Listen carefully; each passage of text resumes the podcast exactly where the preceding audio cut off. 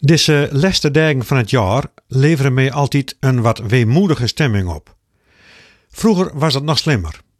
Er worden op oudjaarsavond in de kerken aandacht besteed aan de mensen die u de tijd komen werden. Dat gaf mij altijd een wat triest gevoel, boven op de toch al niet bliedermerkende gedachte dat er alweer een jaar omgevlogen was. Maar gelukkig is in de meeste kerken het omdenken voor de mensen die weggereikt zijn verplaatst naar het einde van november.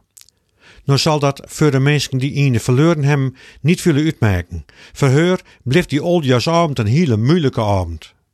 Maar goed, daarnaast kijken we dus in deze tijd weer naar wat het jaar ons bracht heeft. Voor mij persoonlijk was een van de opvallende zaken, naast het kringen van de eerste AOW, het verzorgen van een wekelijkse column bij de Omroep. Nu heb ik al rond tien jaar met regelmaat columns in de Stellenwarver Kraten, maar die columns moeten gaan over spiritualiteit, geleuven en dat soort van zaken. Bij de omroep word ik daarin Hielendal vrijlaten, zo zeggen ze. In het begin had ik wat verhaaltjes uit mijn jonge jaren met hier en daar een kwinkslag tussendoor.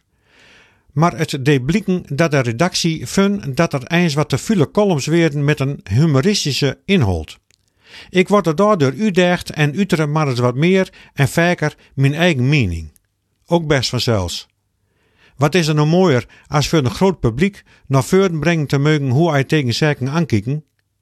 Dat kan dan ook nog eens wat gesprekstof opleveren, zo dacht ik. Maar als je hem nou denken dat zulke columns veel reacties oproepen, dan moet je hem teleurstellen. Ja, er kwamen en komen met regelmaat telefoontjes en mailtjes van bekenden die figuurlijk een doemen opstikken. En als zondags arms in Friesland een kerkdienst verzorgd hebben, dan ben er altijd wel weer mensen die me zeggen dat ze elke donderdag de column beluisteren. Nou, dat is heel mooi vanzelfs. Maar ik had er ook rekening met houden dat mensen inhoudelijk in gesprek gaan wilden zolden over mijn mening. Nu ik één keer een vrouw had die me belde en vroeg of we een keer afpraten konden om het over een column van mij te hebben. Vanzelfs kan dat. De afspraak is nog niet west, maar ik hoop al dat er daar nog eens van komt. Ik ben slim benijd naar wat haar aanspreuken het in een column of wat juist niet. En dan was er die ene die een paar keer reageerde op mijn column en dan vooral als het over corona ging en het beleid dat het kabinet daarbij voor ogen had. Ik kreeg de indruk dat de man het maar moeilijk te verkroppen vindt dat ik corona niet afdoe als de gewone griep en dat ik me minder druk maak over allerlei maatregels als over de valse berichten en het geweld dat bruikt wordt de patiwappies.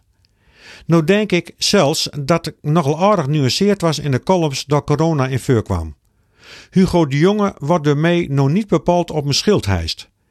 Maar je kunt ook deurslaan naar de andere kanten. En dat verpof ik. Ik ben het eens met veel van de kritiek op het kabinet, maar het deurslaan in geweld, in leugens, in bedriegings en sokswat, dat is mensen onweerdig. De lui die soks doen, die geven me zelfs een brevet van onvermogen. Zij verbreden de kleuven die er in de maatschappij is, in plak van te proberen verbinding te zoeken en mekeers op feiten gebaseerde argumenten serieus te nemen en daarover het gesprek aan te gaan. Daarom is mijn algemene oproep aan het einde van dit jaar dat alle mensen eens kijken naar de kleuven tussen hunzelfs en anderen en dan bedenken hoe ze die kleuven smaller maken kunnen of hoe die kleuven overbrugd worden kan. Dat zal een goed voornemen worden kunnen. Ik wens je een mooie jaarwisseling en alvast een goed najaar.